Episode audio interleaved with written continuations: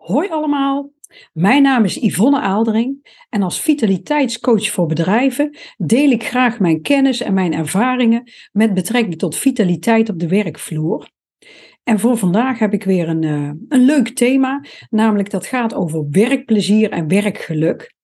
En uh, ja, dat is eigenlijk heel erg actueel, zeker in de huidige tijd, want uh, de banen zijn ehm, ja, liggen voor het oprapen. Er is veel uh, tekorten zijn er qua personeel. Ja, en dan is het altijd ook de vraag van, um, hè, want je kan kiezen soms, ja, waar ga ik werken en waar denk ik dat ik het meeste werkplezier vandaan haal? Bij welk bedrijf of bij welke ja, opdrachtgever of bij welke functie?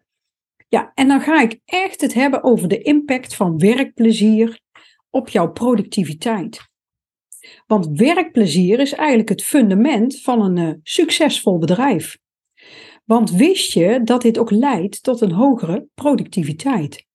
Nou, en als je kijkt, hè, wetenschappers van de Universiteit van uh, Warwick in Engeland, die hebben ontdekt dat door werkgeluk, hè, door geluk de productiviteit op de werkvloer toeneemt. Maar um, ja, er zijn nog meer feiten die uit onderzoeken rollen. Hè, want wat levert nou eigenlijk werkgeluk op? Nou, allereerst meer werkplezier.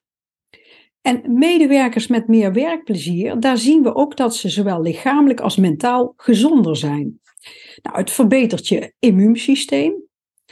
Het zorgt ervoor dat je beter slaapt. We zien dat uh, werknemers met meer uh, werkgeluk, dat die ook gewoon uh, ja, minder ziek zijn, dus minder verzuim laten zien. we zien meer creativiteit, de werknemer ervaart minder stress. Um, ze worden nieuwsgieriger. Je ziet dat iemand een leuker persoon uh, wordt, ook thuis. Dat iemand daardoor ook gewoon extra flexibel is, meer gemotiveerd. En we zien dat mensen daardoor ook gewoon veel beter kunnen samenwerken. Dus dat zijn best wel wat feiten eigenlijk uh, op een rijtje. Nou, en verder is ook onderzocht en aangetoond dat gelukkige medewerkers, die zijn 12% productiever dan gemiddeld. En het onderzoeksteam uh, zegt dat de invloed van geluk zo groot is, omdat positieve emoties, uh, ja, die lijken mensen enorm te stimuleren. En om je gelukkiger te voelen, is volgens onderzoekers is er eigenlijk helemaal niet zoveel nodig. Want simpele dingen als bijvoorbeeld het helpen van een collega, uh, twee minuten mediteren, uh, twee minuten denken aan dingen waar jij dankbaar voor bent, dat kan al helpen. Dat brengt jou al in een andere gemoedstoestand. Nou, en als je dan ziet dat ongelukkige medewerkers, dat die dus 10% minder productief zijn, ja, dan is het toch wel waard om in het werkgeluk van je medewerkers te investeren. en wat dan heel belangrijk is, aandacht, uh, sociale betrokkenheid, dat zorgt eigenlijk voor extra inzet van je medewerkers. Nou, en sociale betrokkenheid op de werkvloer, dat vormt eigenlijk ook de basis vaak voor ja, een goed team, een hecht team. En voor medewerkers uh, geeft dat gewoon heel veel motivatie om zich in te zetten, om hun best te doen. Maar ook om hun talenten aan te spreken en ook om andere collega's te helpen. Dus de bereidheid wordt daardoor ook groter. Dus sfeer en gezelligheid zijn heel belangrijk en dragen ook echt bij aan uh, werkgeluk. Nou, gelukkige medewerkers, die kunnen ook werkstress veel beter aan. uit onderzoek van de Rijksuniversiteit blijkt dat het ziekteverzuim het laagst is bij bedrijven waar er veel steun is van collega's en leidinggevenden. En sociale steun is ook heel belangrijk in de preventie van werkstress. En dan moet je denken aan emotionele steun, maar ook bijvoorbeeld uh, een stukje waardering. Maar ook uh, gezelschap, informatieve steun. Kijk, sociale steun werkt als een hele goede buffer bij werkstress. Dus je ziet dan toch weer dat het eigenlijk uh, ja, keiharde voordelen oplevert. En ja, inmiddels kunnen we wel zeggen dat werknemers eigenlijk massaal op zoek zijn naar werkplezier. Uit een ander onderzoek rolt dat 78% van de werknemers ontevreden is over zijn huidige baan. Dit onderzoek hebben ze overigens in, uh, in 2011 gedaan. misschien dat het inmiddels al wel wat anders is, maar ik denk dat het um, voor een groot deel nog wel opgaat. Ja, de mogelijkheden om daadwerkelijk een nieuwe start te maken, ja, dat is voor iedereen eigenlijk niet zo makkelijk. En hoe komt het nou dat er zoveel mensen ja, ongelukkig blijven of eigenlijk niet het aandurven om te veranderen? Ja, ja wat je eigenlijk ziet um, op dit moment is dat gewoon um, ja, heel veel mensen ook heel erg blijven hangen in ik moet geld verdienen om een hypotheek of mijn huur te betalen. Maar ja, is dat nou alles waar het leven om draait? Want um, een onderzoek uit 2010, daar rolde ook uit dat 17% van de mensen, hè, um, ja, dat meer, hè, 17% meer dan anders moet ik eigenlijk zeggen, een eigen bedrijfje zijn gestart. Dus steeds meer mensen worden ondernemer. En heel vaak zien we dat mensen ondernemer worden omdat ze niet tevreden zijn in hun werk. En omdat ze meer vrijheid, voldoening zoeken. Dus dat komt ook niet zomaar ergens uit voort. Nou, wat zijn nou precies um, de zeven bronnen van arbeidsvreugde, hè, van werkgeluk? Nou, dan uh, is nummer één is eigenlijk het fysieke welbevinden.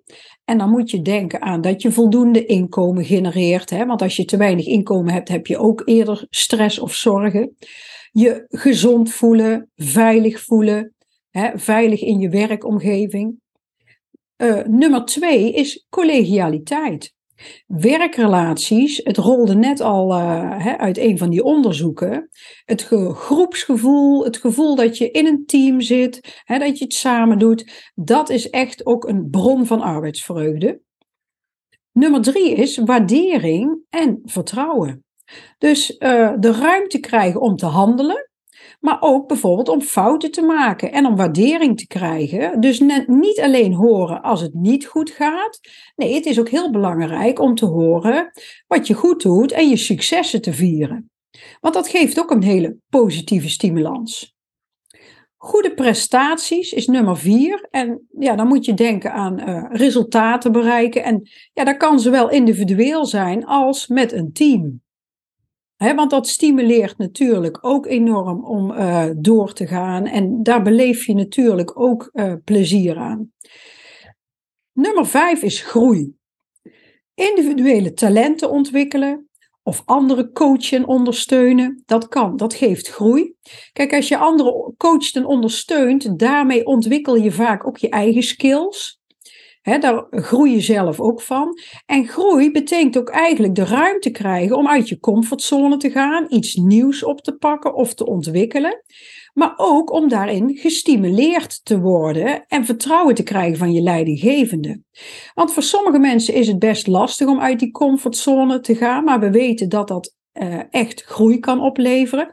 En als jij dan dat duwtje in de rug krijgt, of die steun van die leidinggevende, van nou ga het maar doen, ook al maak je een fout, hè, um, dat is oké. Veilige omgeving, ja, dat is ook heel belangrijk voor je werkplezier. Nou, nummer zes is werken met hart en ziel. En um, ja, dat noemen we ook wel uh, authenticiteit. En dat betekent eigenlijk gewoon dat je um, ja, jezelf mag zijn in wat je doet. En dat betekent dat er een omgeving is met acceptatie, die gericht is op jouw kwaliteiten. Hè, want iedereen heeft kwaliteiten en de kunst is om juist die kwaliteiten uh, te benutten en te ontwikkelen. Hè, maar daarin ook echt jezelf mogen zijn. Dat is ook een hele belangrijke factor voor arbeidsvreugde. Want als jij voortdurend niet jezelf kan zijn, of op je tenen loopt, of jezelf voor je gevoel anders voor moet doen, ja, dat kost heel veel energie. En um, ja, dat behoort natuurlijk niet tot een bron van arbeidsvreugde. Als zevende bron is hogere zingeving. En um, dan kan je denken aan iets kunnen betekenen voor anderen. En um, dat kan ook iets betekenen zijn in een team voor een collega Of bijvoorbeeld iets betekenen voor een klant of een cliënt in je dienstverlening of met het product waar je mee werkt. dat kan uh, eigenlijk op allerlei manieren kan dat tot uiting komen. Maar um, dat geeft echt ook um, arbeidsvreugde. Nou, je ziet dat dit hele verschillende bronnen zijn. En ja, kijk, het is ook een hele verschillende invulling van deze zeven aspecten. Want dat verschilt natuurlijk ook per functie, per beroep of per uh, beroepsgroep. als je bijvoorbeeld kijkt, uh, het fysiek welbevinden heeft voor een, uh, een krabvisser op de Barentszee natuurlijk een hele andere betekenis dan iemand die als accountant werkt op een kantoor. Maar ook per werknemer worden die aspecten anders beoordeeld, want dat is ook afhankelijk van iemand zijn ervaring, hè, um, ja, hoe iemand dingen uh, ervaart en beleeft. Hè, zo krijgt, uh, en, maar ook iemand zijn interesses, um, affiniteiten. Hè. Zo krijgt bijvoorbeeld de ene werknemer, die krijgt een kick van goede prestaties.